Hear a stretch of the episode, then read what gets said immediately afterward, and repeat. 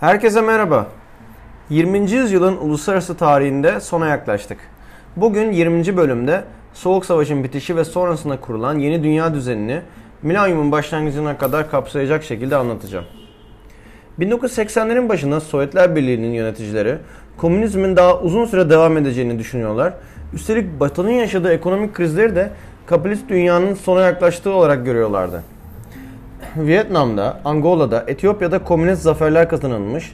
Amerika ise politik ve ekonomik sıkıntılar içindeydi ve bu iklimde yapılan 1980 seçimlerini Cumhuriyetçi lider Ronald Reagan mevcut başkan Jimmy Carter yenerek kazanmıştı. Reagan ve ekibi Afganistan'dan Güney Amerika'ya komünizmle savaşmaya karar verdiler. 1960'larda başlamış olan detente dediğimiz yumuşama döneminin de sonu gelmişti. Sovyetler 1979'da Afganistan'ı yöneten komünist hükümeti ülke içindeki farklı gruplara karşı desteklemek için Afganistan'a asker yollamıştı. Sovyetlerin Vietnam'ı denilse de Amerika'nın 500 bin asker, asker gönderip 60 bin kayıp vermesine kıyasla Sovyetler en fazla 100 bin asker göndermiş ve 14 bin kayıp vermişti. Gene de Amerika'nın Pakistan'ın aşırı İslamcı mücahit grupları desteklemesiyle Reagan'ın dinsiz bir yönetime karşı savaşan özgürlük savaşçıları dediği mücahitler savaşı kazandılar. Sovyetler hem verdikleri kayıplar hem de Afganistan dahil olmak üzere dünyanın çeşitli yerlerindeki dost hükümetlere verdiği ekonomik yardımlardan dolayı iflasın eşiğine gelmişti. Sovyetler Birliği her zaman kendini kapitalizm ve sömürgeciliğe karşı savaş veren bir ülke olarak konumlandırdıysa da 3. Dünya dediğimiz sömürgelikten yeni bağımsız olmuş tüm ülkelerin gözünde ve en son Afganistan işgalinde de görüldüğü üzere Sovyetlerin geleneksel büyük güç emperyalist Rus çarlığından pek de bir farkı yoktu. Soğuk Savaş'ın bitişi her çatışmayı kapitalizm, sosyalizm mücadelesi olarak gören Batı'nın aksine 3. Dünya'nın bu anlayışı reddetmesiyle sona ermişti. Sadece dünyanın uzak yerlerinde değil, yanı başımda komünist düzene karşı sesler artmaya başlamıştı. Komünist ülkelerin dünyanın yeni teknolojilerinden mahrum kalması, hayat standartlarının düşük olması, fikir özgürlüğünün bastırılması hoşnutsuzluk yaratıyordu. 1987'de Polonya'da Lech Walesa işçileri örgütleyerek dayanışma, dayanışma hareketi ismini verdiği bir hareket başlattı. Sovyetler doğrudan müdahalenin daha kötü sonuçları olacağı endişesiyle Polonya Komünist Partisi'ne ne yapılacağının kararını bıraktı. Dayanışma hareketi kapatıldı, liderleri tutuklandı.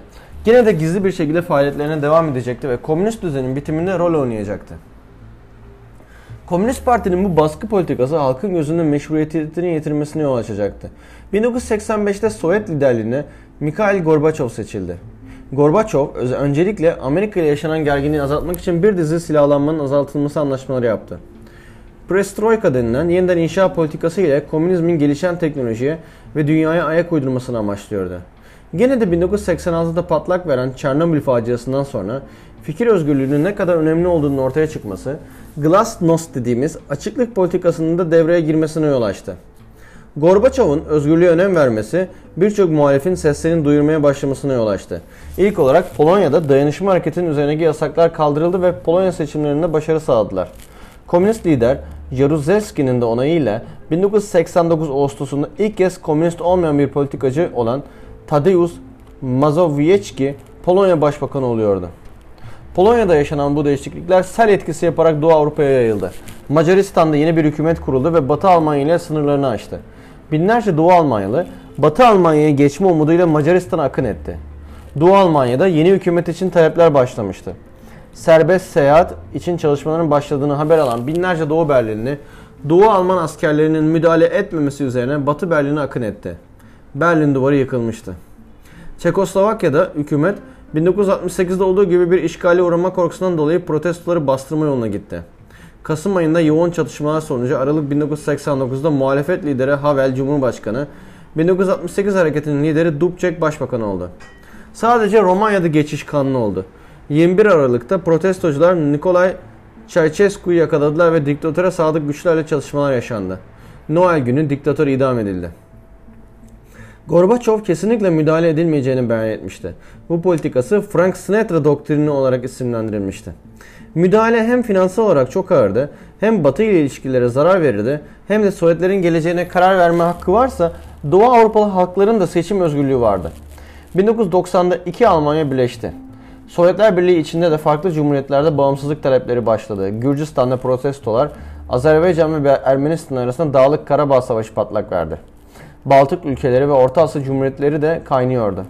Ağustos 1991'de Sovyet Komünist Parti'nin Gorbaçov'u devirmek için yaptığı darbe halkın ve ordunun desteklememesi üzerine başarısız oldu. Aralık 1991'de Gorbaçov istifa etti ve 73 yıllık Sovyetler Birliği resmen sona erdi.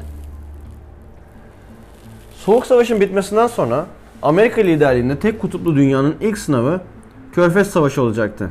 Irak lideri Saddam Hüseyin 8 sene süren İran-Irak Savaşı'nın ateşkesle sona ermesiyle umduğunu bulamamıştı. Üstelik muazzam miktarda dış borç ve askeri harcama altına girmişti. 1,5 milyon asker sayısı ve memnuniyetsiz subay kadrolarının varlığı Saddam'ı zor duruma sokmuştu. Şii nüfusta Sünni yönetime karşı ses çıkarmaya başlamıştı. Bu yüzden Kuveyt'i işgal planı Saddam'ın iktidarının kurtuluş planıydı. Kuveyt tarihsel olarak Irak Basrası'nın bir parçasıydı ve Kuveyt'in petrol gelirleri Irak'ı çok iyi bir konuma getirebilirdi.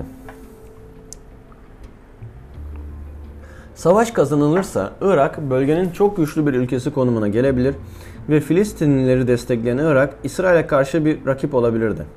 Saddam kuvvet yönetimiyle iletişim kurarak İran ile savaşta Irak'ın bedel ödediğini ve bu süreçte Kuveyt'in Kuveyt'in Irak'a ait bazı petrol kuyularından petrol kaçakçılığı yaptığını iddia etti.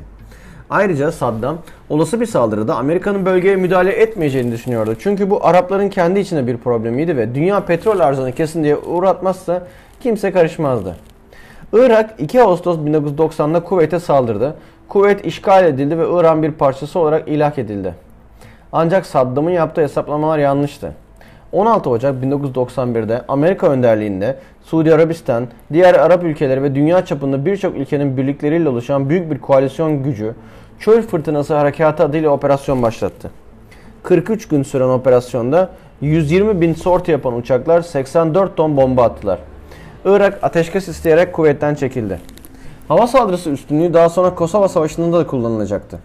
Vietnam Savaşı'nın hatıralarını hala yaşayan Amerikalılar kara ordusuyla müdahale etmediler. Bu yüzden Irak'ın işgali gerçekleşmedi. Ayrıca kimse Saddam'ı devirip parçalanmış bir Irak istemiyordu. Kuveyt'te tekrar Sabah ailesinin iktidara getirilmesi yeterli bir zafer olarak kabul edildi. Amerika'nın dünya üzerine rol oynayan koalisyon gücü oluşturup bir savaşı başarıyla bitirmesi de Soğuk Savaş sonrası dünya düzeninde Amerika'nın liderliğini ispatlıyordu. Ekonomi alanında da Amerikalı iş adamları internetin kullanımının yaygınlaşması ve tüketiciye bilgisayar teknolojisinin erişiminin yaygınlaşmasıyla dünyada üstün bir konuma geldiler. Dow Jones endeksinin yükselmesi, Amerikan işsizlik rakamlarının düşmesi, Amerikan refahının artması, Amerika'nın zirve noktaya erişimini sağlamıştı. Amerikan ekonomik gücünün teknoloji vasıtasıyla tüm dünyaya yayılması küreselleşme dediğimiz olguyu yarattı. Gümrük Tarifeleri ve Ticaret Genel Anlaşması Kuruluşu 1995'te Dünya Ticaret Örgütü adını aldı. Güneydoğu Asya ülkeleri kapitalist sisteme entegre edildiler. İş gücü kullanımı için sanayileştiler. Rusya Federasyonu ise kapitalist sisteme ayak uydurmaya çalışıyor, korkunç ekonomik krizlerle boğuşuyordu. Aynı zamanda Çeçenistan bölgesinde de ayrılıkçılarla savaş çıkmıştı. 1996 seçimlerini tekrar Boris Yeltsin kazanmıştı ama artan sağlık sorunları problemdi ve ülke krizlerden çıkamıyordu. 31 Aralık 1999'da Boris Yeltsin istifa etti ve yerine eski KGB ajanı Vladimir Putin geçti. Sonraki sene yapılan seçimlere Putin kazandı. Mafyayı ve Çeçenistan Savaşı'nı bitireceğinin sözünü veriyordu. Amerika Sovyetlerin dağılmasından sonra nükleer silahların yanlış ellere düşmesinden korkuyordu. Bu yüzden de bu silahların sınırlandırılmasıyla alakalı müzakereler yürüttü. Belarus, Ukrayna ve Kazakistan ile anlaşmalar yaptı ve Rusya ile 1995'te 1968 tarihli başka ülkelere nükleer sır verilmemesi taahhüdünü yeniledi. Gene de anlaşma uygulanamadı. Hindistan ve Pakistan 1998'de nükleer silah elde ettiler. Amerika hava savunma sistemleri geliştirme çalışmalarına devam ediyordu. Rusya'yı uluslararası sisteme dahil etmek için NATO işbirliği denemeleri yap- yaptıysa da sürdürülebilir olmadı. Ekonomi alanında G7 grubuna dahil edilerek G8 olarak isimlendirildi. Her ne kadar o dönemde diğer G7'ye kıyasla ekonomisinin güçsüz olması ve Çeçenlerle yaptığı antidemokratik mücadelesi ve insan haklarına karşı duyarsızlığı ortada olsa da ekonomik potansiyeli, askeri gücü ve coğrafi konumu itibariyle dışlanamayacak kadar büyük bir ülkeydi. Amerika dünyanın farklı bölgelerinde üstün konumu dolayısıyla ara buluculuğa soyunmuştu. Kuzey İrlanda'da ayrılıkçı güçlerle Britanya hükümeti arasında oynadığı rol sayesinde kuzeye verilen bazı özgürlükler karşılığında İRA örgütü silah bırakmıştı. İnsani müdahale anlayışı çerçevesinde Somali'ye 1993'te müdahale eden Amerika, kendini iç savaşın ortasında bulup kayıp verdiğinde Amerikan kamuoyunun tepkisi üzerine Somali'den çekildi. Bu yüzden de 1990'ın Ruanda olaylarına karışmayarak büyük bir soykırım yaşanmasını engelleyemedi. Gene de Avrupa'nın istikrarı adına Yugoslavya'ya müdahale edecekti. 1970'lerden beri Yugoslavya'yı oluşturan farklı cumhuriyetler daha otonom olma üzerine tartışıyorlardı. 1980'de ülkenin lideri Tito'nun ölümü, ekonomik problemler, etnik ayrımcılıklar Soğuk Savaş'ın bitmesiyle gün yüzüne çıktı. Sırp lider Slobodan Milosevic'in ülke üzerinde otorite kurmak istemesini Sloven Hırvatlar Haziran 1991'de bağımsızlıklarını ilan ederek reddettiler. Slovenya'ya kısmi, kısmi bir müdahale edildiyse de Hırvatistan'ın Sırp bölgesine ordu gönderildi. Hemen Eylül 1991'de Makedonya, Ekim'de Bosna Hersek bağımsızlıklarını ilan etti. 1992'nin ilk günlerinde Birleşmiş Milletler Barış Gücü askerleri Hırvatistan'a gelerek Hırvatistan'ın bağımsızlığının tanınmasına destek oldular. Aynı şekilde Slovenya'da tanındı. Nisan ayında Bosna'nın bağımsızlığı tanındı ve Federal Yugoslavya tarihe karıştı. Sırbistan Karadağ olarak ayrı bir devlet oluştu ve halen kendini Yugoslavya'nın devamı olarak görüyordu. Yine de henüz barış çok uzaktı ve Bosna Hersey oluşturan Irvatlar, Sırplar ve Müslümanlar bir iç savaşın içine düştüler. Silahsız Müslüman topluma etnik temizlik uygulandı ve binlerce Müslüman öldürüldü. Amerika tüm katliamlara rağmen müdahale etmekte isteksizdi. Ancak Bosnalı Müslümanların yaşadıkları fotoğraflar, haberler Amerikan kamuoyuna ulaştığında gene de askeri değil de ekonomik yaptırımlar kanalıyla Sırpları durdurmaya çalıştılar. Ancak Birleşmiş Milletler barış gücünün varlığına rağmen Srebrenica'da yapılan soykırım artık ciddi bir adım atılması gerektiğini gösteriyordu. 1995 sonunda Amerika'nın savaş tehdidi üzerine Sırplar Amerika Dayton'da barış görüşmelerine geldiler ve Bosna Hersek Devleti'nin federal yapısı üzerine anlaşıldı. 1997'de Milosevic tekrar Sırbistan'ın başkanı olarak seçildi. Bu sefer Sırbistan'a bağlı Kosova bölgesinde Arnavut ayrılıkçılarla çatışmalar başlamıştı. Sırpların tekrar, tekrar etnik bir temizliğe girişeceğinin belli olması üzerine bir daha bunun yaşanmaması için Mart 1999'da NATO kurulduğundan beri ilk kez askeri bir harekat yaparak Sırbistan'da önemli menzillere hava saldırısı düzenledi. Sırpların saldırıları durdurulmaması üzerine NATO topyekun bir saldırı tehdidinde bulundu. Bunun üzerine Sırplar Kosova bölgesinden çekildiler ve NATO Kosova'nın kontrolünü sağladı. Milosevic 2000 seçimlerini kaybetti. Koltuğunu bırakmak istemedi ancak halkın protestoları sonucu görevinden ayrıldı. 2001'de Milosevic savaş suçlarından dolayı tutuklandı. O ve diğer savaş suçlularının uluslararası yargılamalarına başlanıldı. Milosevic tutukluluğu bulunduğu hücrede 2006 yılında ölü bulundu. 2006 yılında Karadağ Sırbistan'dan ayrılarak bağımsız oldu. 1990'lar ekonomik siyasi olarak zor geçen bir dönemdi. Büyük umutlarla yeni milenyuma giren dünya 2001 yılında Amerika'nın 11 Eylül'de uğradığı saldırılarla şok oldu.